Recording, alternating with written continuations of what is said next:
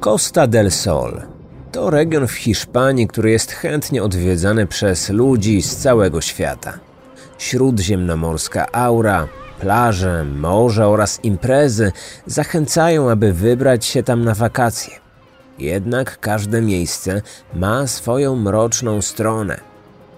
Co jakiś czas w mediach pojawiają się doniesienia, że jest to raj nie tylko dla turystów, ale również dla przestępców. Z tego względu matka Rosio Waninkow nie lubiła, gdy dziewczyna wracała do domu samotnie późną porą. Mieszkała tam większość swojego życia i dobrze znała realia. Pijanych ludzi spotykało się praktycznie każdego wieczoru. Obawiała się też przyjezdnych mężczyzn, którzy zaczepiają młode i bezbronne kobiety, takie jak jej córka, nie wspominając o szalejącej przestępczości zorganizowanej. Mafia czuje się dość komfortowo w tym zakątku Europy, czasami nawet za bardzo. Rosjo często wychodziła wieczorami, na przykład odwiedzać swojego chłopaka. Mieszkańcy narzekali na słabe oświetlenie okolicy, ale nikt wówczas z tym nic nie robił. Matka ze względów bezpieczeństwa przyjeżdżała lub przychodziła po córkę.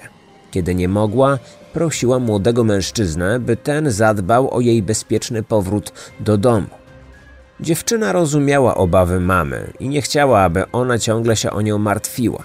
Jednak pewnego razu nie posłuchała jej słów. Stwierdziła, że wróci sama. Tak przynajmniej powiedział jej partner – Dziewczyna wtedy nie mogła potwierdzić tej wersji, bo tam nie dotarła. Jej zniknięcie stało się początkiem głośnej sprawy kryminalnej, która zniszczyła zaufanie Hiszpanów do wymiaru sprawiedliwości. Co takiego się wydarzyło?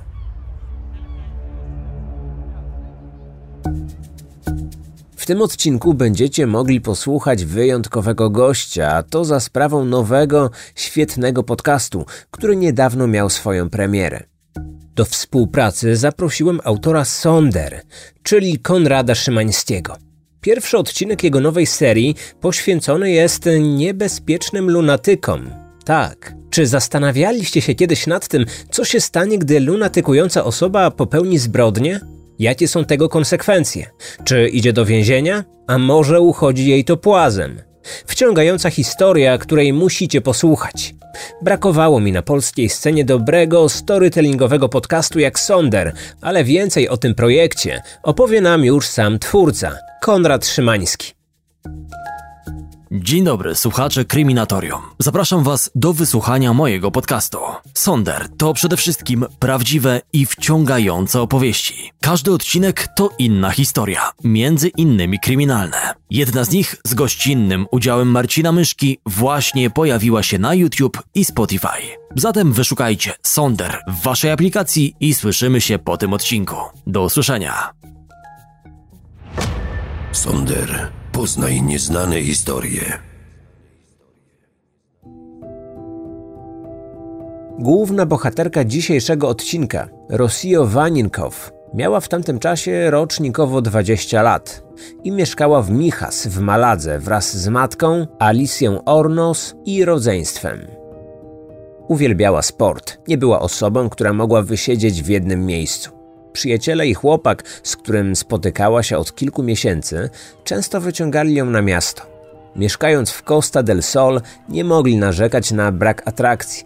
Jednak młoda kobieta nigdy nie zapomniała o rodzinie. Z matką i siostrą łączyła ją szczególna więź, która umocniła się po rozstaniu rodziców. Rosio pracowała jako opiekunka do dzieci i kelnerka, ale jej marzenia sięgały dalej. Chciała pójść na studia. Nie lubiła konfliktów i rzadko się w nie wdawała. Kiedy później zadawano pytanie, czy miała wrogów, bliscy nie ukrywali irytacji. Przecież każdy, kto poznał Rosio, wiedział, że to złota dziewczyna. Jesienią w okolicznej miejscowości odbywał się jarmark, który cieszył się sporą popularnością wśród mieszkańców. Tłumy ludzi, głośna muzyka i kolorowe stroje przyciągały zarówno młodych, jak i rodziny z dziećmi. Rosjo umówiła się ze swoim chłopakiem i znajomymi, że tam pójdą. Taki był plan na sobotni wieczór 9 października 1999 roku. Wcześniej chciała spędzić trochę czasu tylko ze swoim partnerem. Młodzi zazwyczaj spotykali się w domu chłopaka. Rossio dotarła tam koło 17.30. Matka wiedziała, że dziewczyna prawdopodobnie pojedzie z nim na jarmark, więc wróci późno. Ustalono, że kto się odprowadzi. Alicja nie miała pojęcia, że ten plan zostanie wywrócony do góry nogami. Dwudziestolatka po kilku godzinach chciała wstąpić na chwilę do domu. Jej chłopak był jedną z pierwszych osób, które przesłuchaliśmy. Zanim wyruszyli na spotkanie ze znajomymi, dziewczyna powiedziała mu, że pójdzie jeszcze do domu. Miała wziąć prysznic i się przebrać, a potem wrócić do niego. W drogę powrotną wybrała się sama. Nikt jej nie towarzyszył. Rossio wyszła o 21.30 i nie zjawiła się ponownie. Pierwszą myślą chłopaka było, że dziewczyna się spóźni. Czas płynął, a ona nie przychodziła. W końcu zrobiło się już zbyt późno, by gdziekolwiek jechać. Partner nie zakładał żadnego czarnego scenariusza. Być może pokłóciła się z matką lub nie chciała, by Rossio jechała do innego miasta o takiej porze. Może źle się poczuła. Powodów mogło być tak naprawdę wiele. On wówczas o tym zbytnio nie myślał. Położył się spać, przekonany, że następnego dnia znowu się spotkają. Tak przynajmniej później zeznał policjantom, gdyż dziewczyna po opuszczeniu progu jego posiadłości przepadła jak kamień w wodę.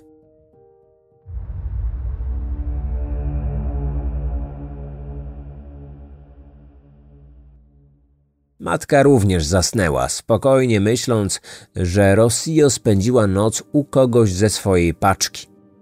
Kiedy rano jeszcze jej nie było, kobieta zaczęła się nieco niepokoić.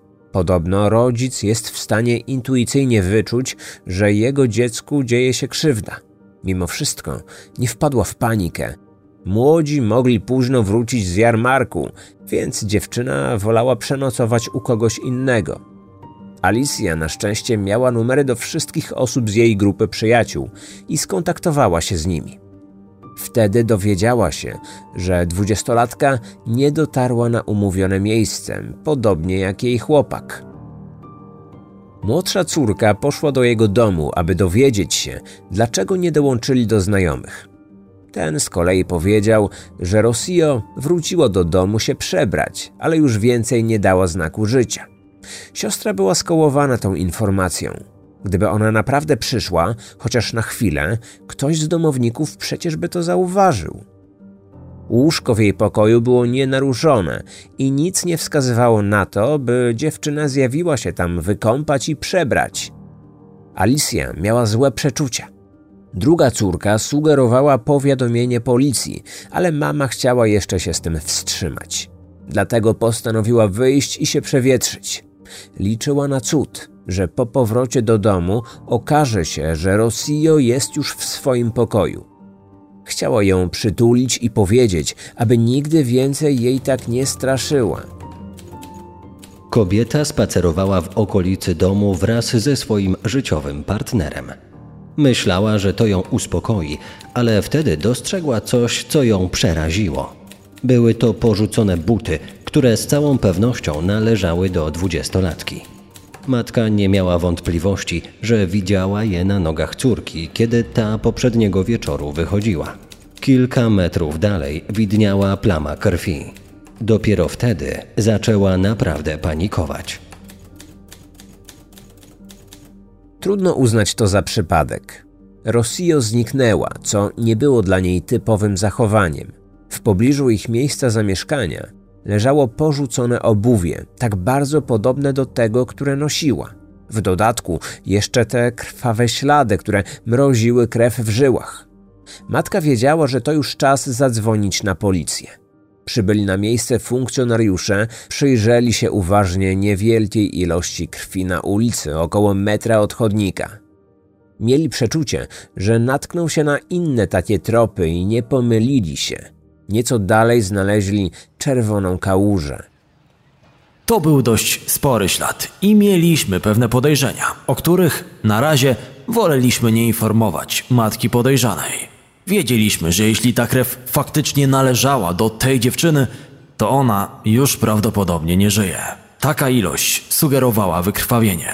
Mało prawdopodobne, by ktoś mógł to przeżyć.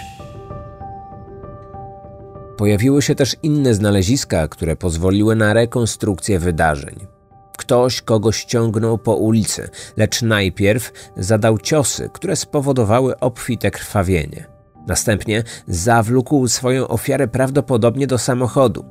To oznaczało, że mógł wywieźć dziewczynę gdziekolwiek i należało poszerzyć obszar poszukiwań. Policjanci byli realistami, więc do tego śledztwa podchodzili sceptycznie. Nikt nie łudził się, że uda się znaleźć dziewczynę całą i zdrową. Odmiennego zdania byli jej bliscy, ale nie ma się co temu dziwić. Chcieli wierzyć w to, że ona wróci do domu i wszystko będzie tak jak dawniej. Nadzieja zawsze umiera ostatnia.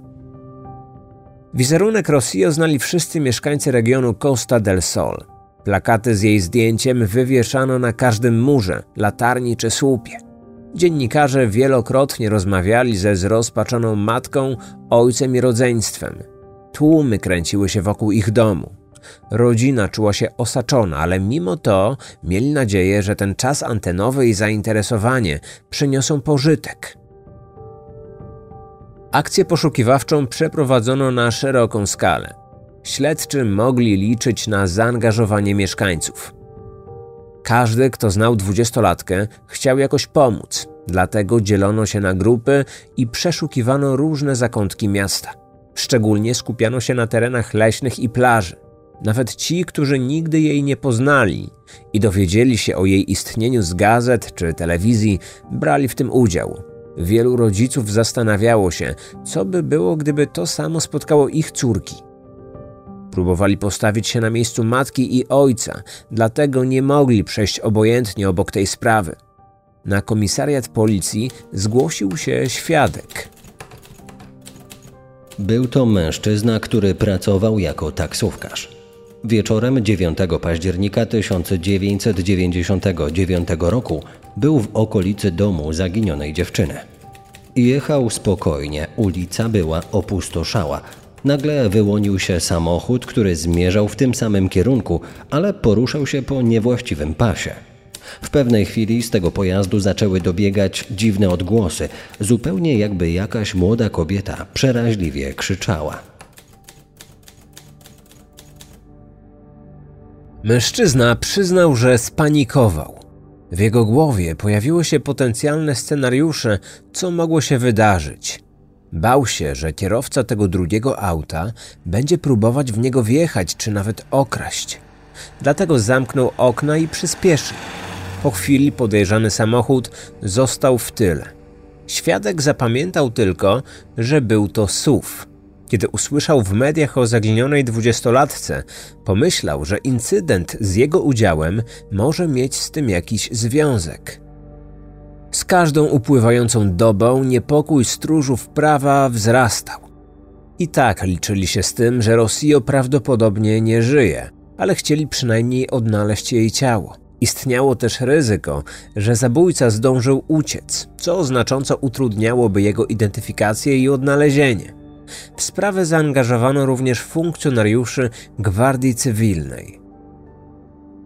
2 listopada 1999 roku, czyli 25 dni od zaginięcia, natrafiono na ludzkie szczątki porzucone w pobliżu kortu tenisowego. Znajdowały się kilkanaście kilometrów od domu Rossio, na kompletnym odludziu.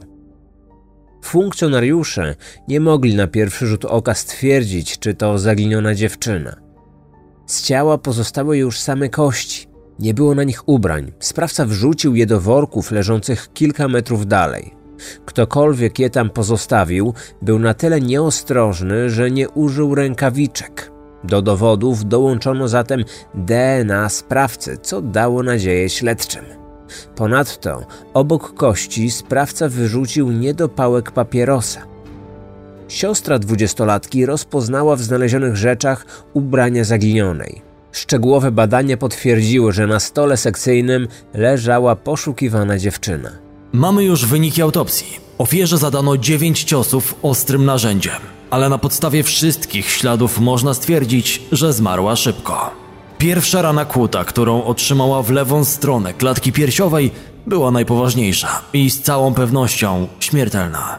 Dotknęła najważniejszych narządów i tętnicy płucnej. Raport z sekcji wskazywał na kilka możliwości. Ten uraz prawdopodobnie sprawił, że dziewczyna straciła przytomność. Mogła też zostać po prostu unieruchomiona. Pod uwagę brano opcję, że był to śmiertelny cios. Zabójca i tak ugodził ją jeszcze osiem razy, aby upewnić się, że ją zabił. To zastanawiało policjantów. Sprawca zadał sobie dużo trudu, aby ją uśmiercić. A to według policji wykluczyło wersję, by Rossio stała się przypadkową ofiarą jakiegoś szaleńca. Bardziej skłaniało ku tezie, że pomiędzy tą dwójką była więź emocjonalna. Czy ofiara dobrze znała swojego oprawcę?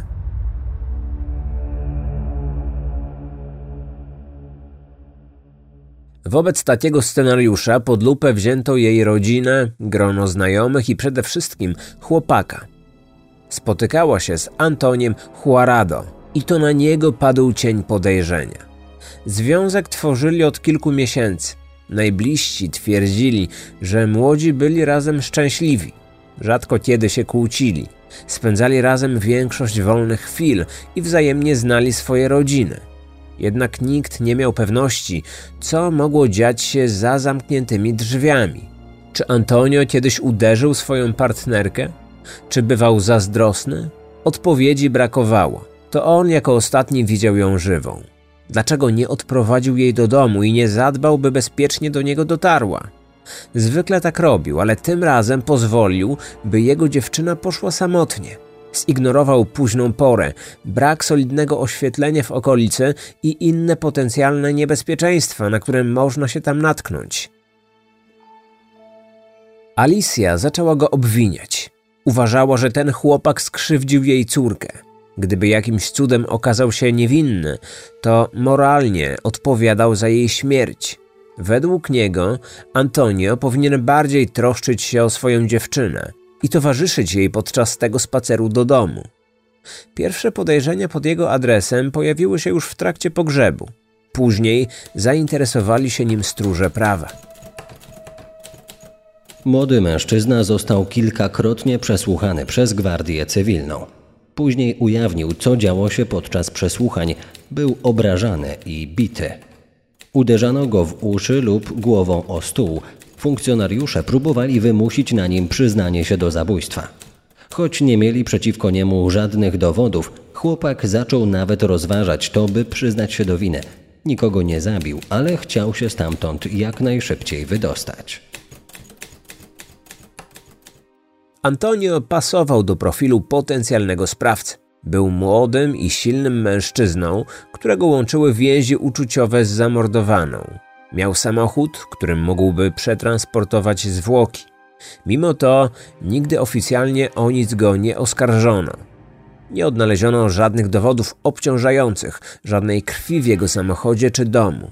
Próbki DNA z miejsca zbrodni też do niego nie pasowały. Mijały miesiące, a śledczy nie mieli innych tropów. Wykluczono innych członków rodziny z grona podejrzanych. Początkowo wydawało się, że tylko Antonio mógł mieć motyw. Prawie rok po zabójstwie w mediach pojawiła się wiadomość. Ujęto osobę, która prawdopodobnie zabiła Rossio. Była to dość sensacyjna informacja, zwłaszcza, że aresztowano kobietę.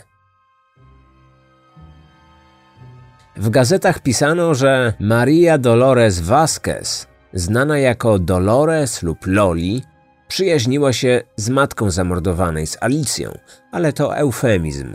Kobiety kilka lat wcześniej żyły w związku. Zanim się poznały, Alicja miała męża. Była to miłość od pierwszego wejrzenia. Młody Holender, który przyjechał do Hiszpanii do pracy, został tam i założył rodzinę. Zamieszkali razem. Wkrótce się pobrali, a na świat przyszły dwie córki i syn. Potem przeprowadzili się do Michas. Nie ma małżeństw idealnych, ale to szczególnie daleko odbiegło od tego wzorca. Krótko po ślubie okazało się, że mąż nie radził sobie z agresją i złością. Wieczne pretensje i krzyki w końcu przerodziły się w przemoc fizyczną, która dotykała najczęściej Alicję. Zdarzało się, że ojciec podnosił rękę nawet na dzieci. Kobieta musiała od niego odejść. Jeszcze zanim złożyła pozew rozwodowy, poznała Dolores, nową sąsiadkę.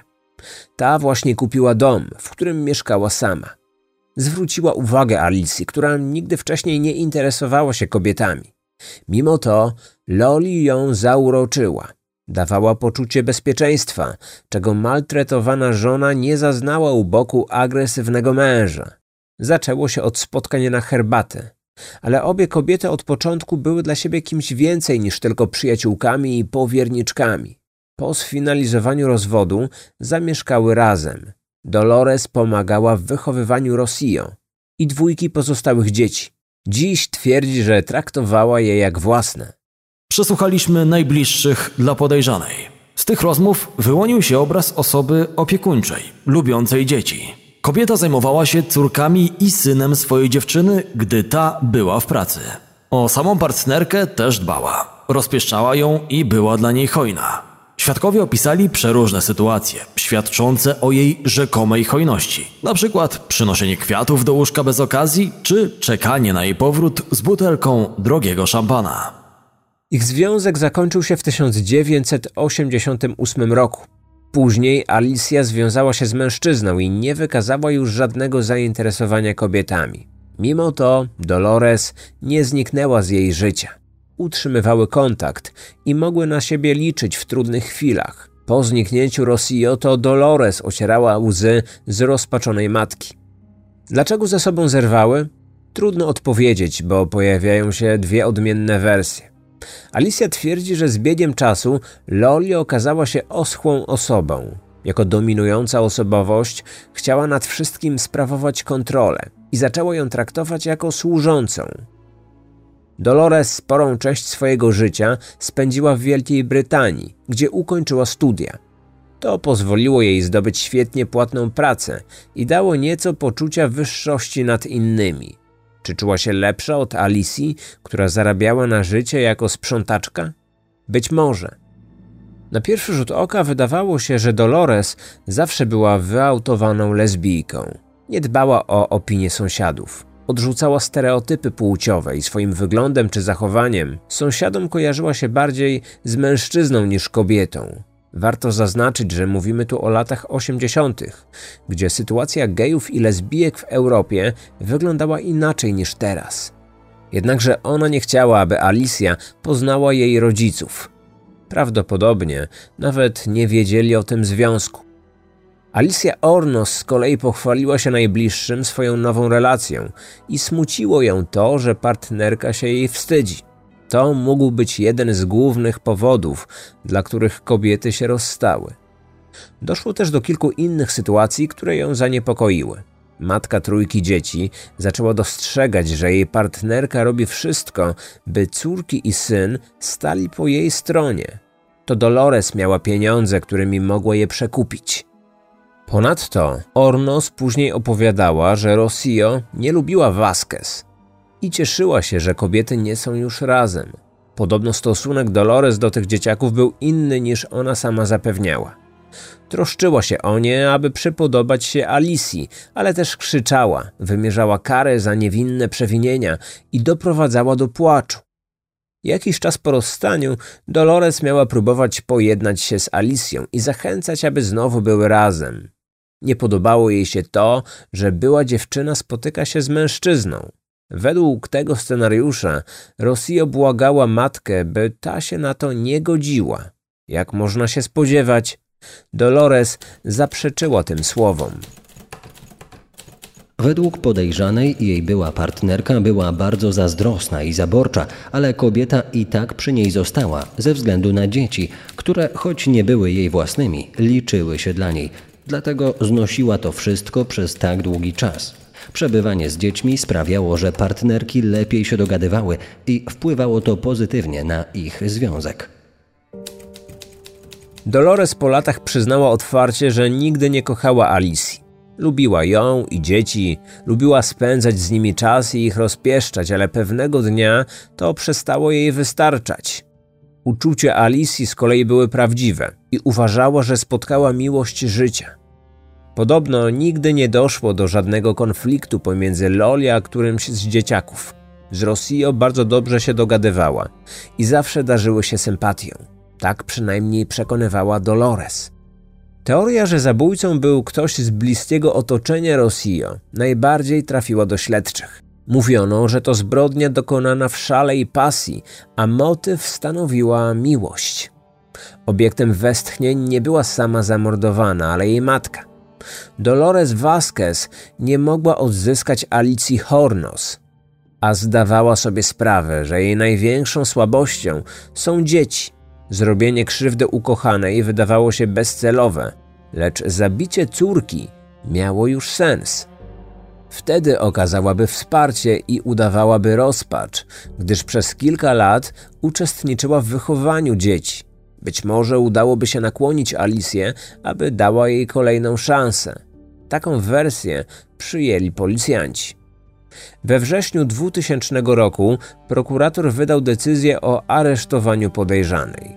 Choć hiszpańskie społeczeństwo nie miało pojęcia, na jakiej podstawie tego dokonano, w ich oczach pięćdziesięcioparolatka była winna.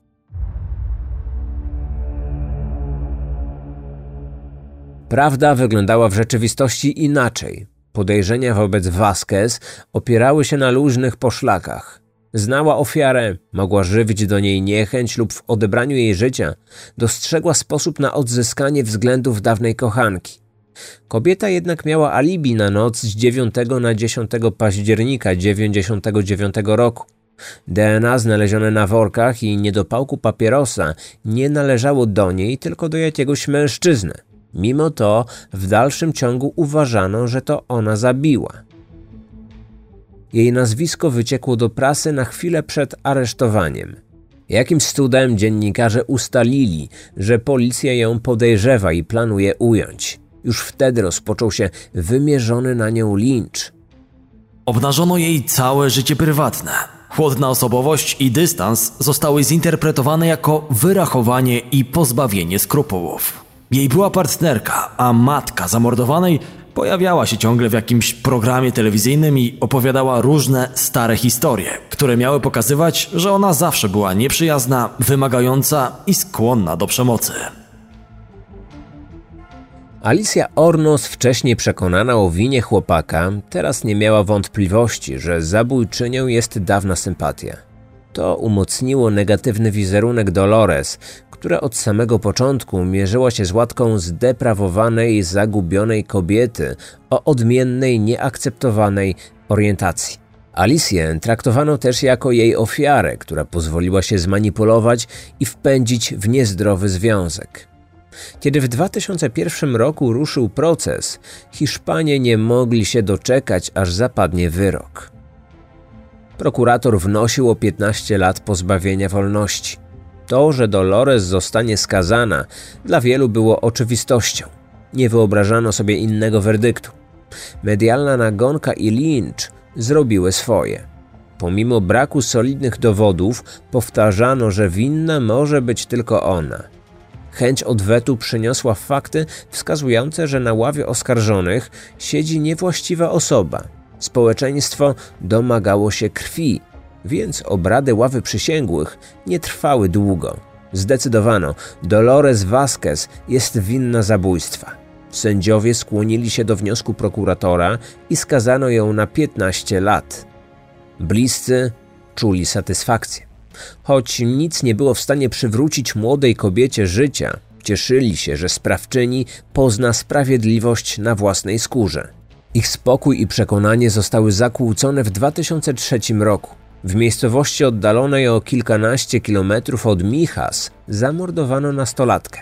Na miejscu zbrodni zabezpieczono DNA sprawcy. Funkcjonariusze prowadzący to śledztwo mieli nieodparte wrażenie, że sprawa może być powiązana ze śmiercią Waninkow. Instynkt podpowiedział im, aby porównać materiał biologiczny z próbkami z miejsca odnalezienia zwłok Rossio. Wynik był jednoznaczny. Obie próbki należały do tej samej osoby. Jeden sprawca dokonał tych dwóch zabójstw. Tyle, że Dolores Vasquez, która według sądu zabiła Rossio, w momencie zabójstwa tej drugiej przebywała w zakładzie karnym. zatem nie mogła zamordować żadnej z nich. Jeszcze zanim ta informacja ujrzała światło dzienne, Sąd Najwyższy uznał, że osadzona została skazana na podstawie mało wiarygodnych dowodów. Postanowiono, że kobiecie należy się ponowne rozpatrzenie tej sprawy.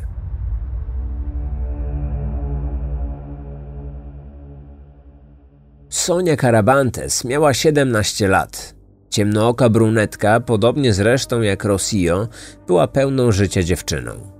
Jednak ktoś postanowił zakończyć to życie zdecydowanie przedwcześnie i to w okrutny sposób.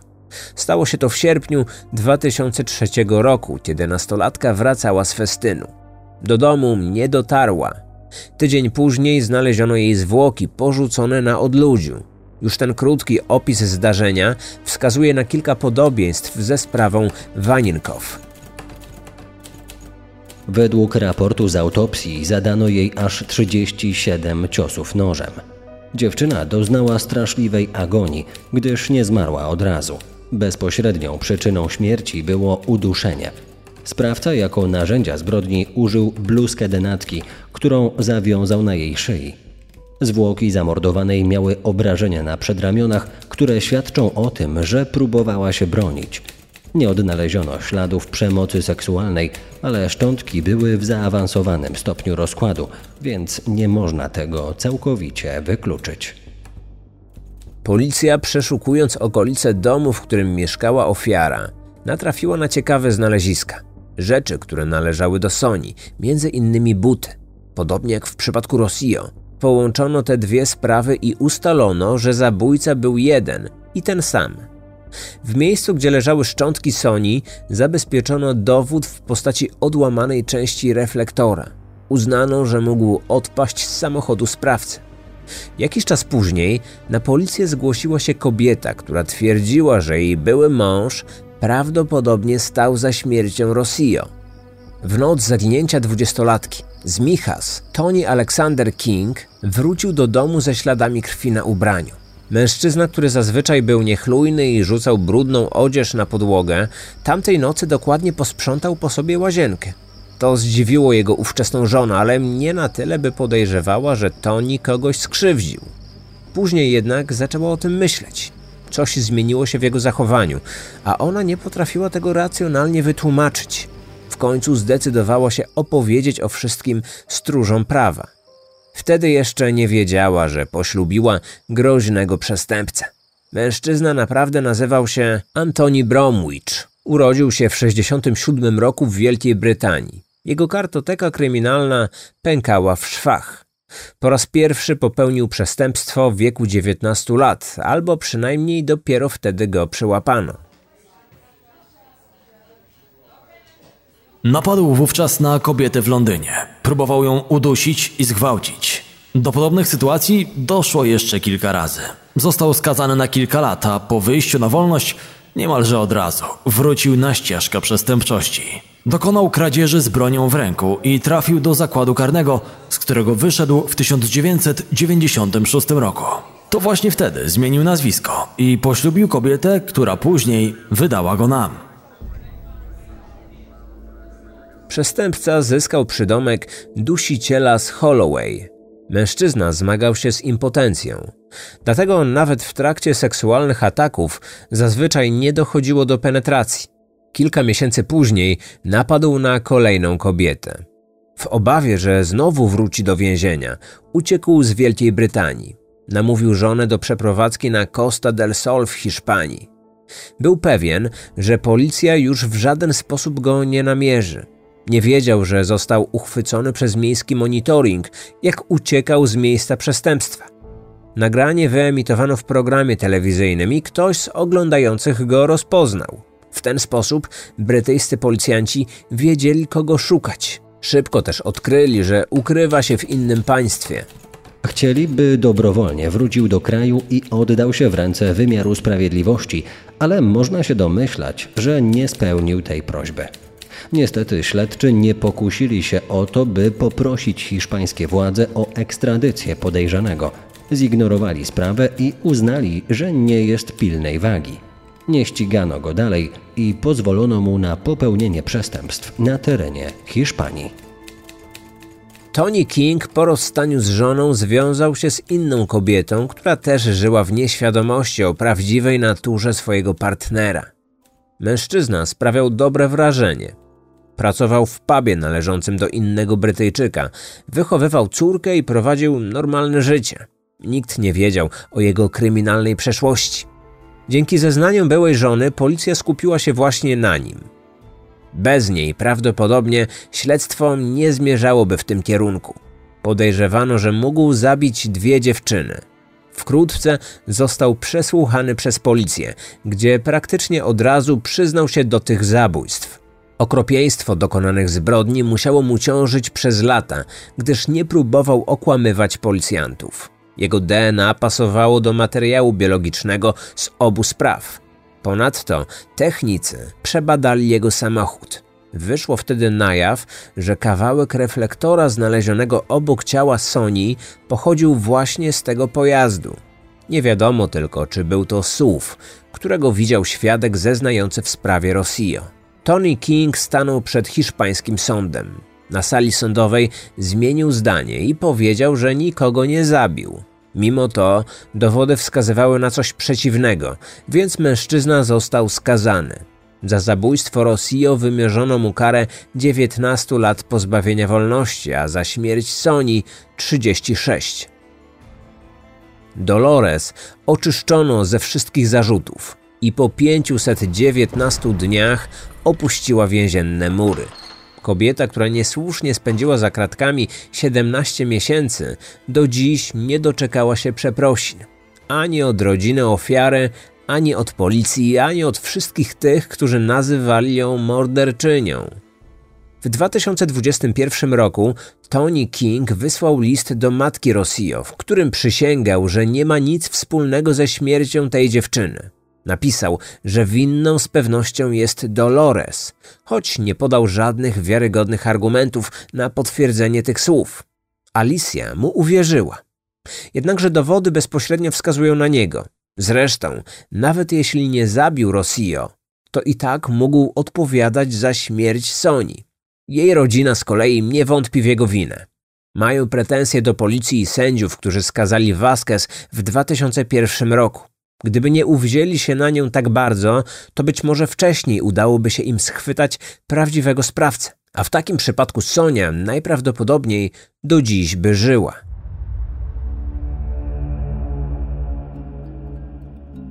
Moi drodzy, to była dla mnie wielka przyjemność móc współtworzyć dzisiejszy odcinek. Jeszcze raz zapraszam Was do sprawdzenia mojego podcastu i odcinka z gościnnym udziałem Marcina. Sonder znajdziecie na YouTube, Spotify i w pozostałych aplikacjach podcastowych. Do usłyszenia za chwilę. Najważniejsze źródła wykorzystane do stworzenia materiału. Artykuły Luisa Fernanda Romo opublikowane na portalu El Mundo. Artykuł naukowy Francesca Baraty pod tytułem The Media and Crime Information – The Tony King Case and Media Distortions. Opublikowany w czasopiśmie Quaderns del CAC numer 17 z 2003 roku.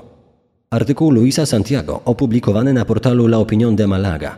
Artykuły z hiszpańskich i brytyjskich serwisów informacyjnych The Sun, Daily Mail, La Voz de Galicia czy El Confidencial.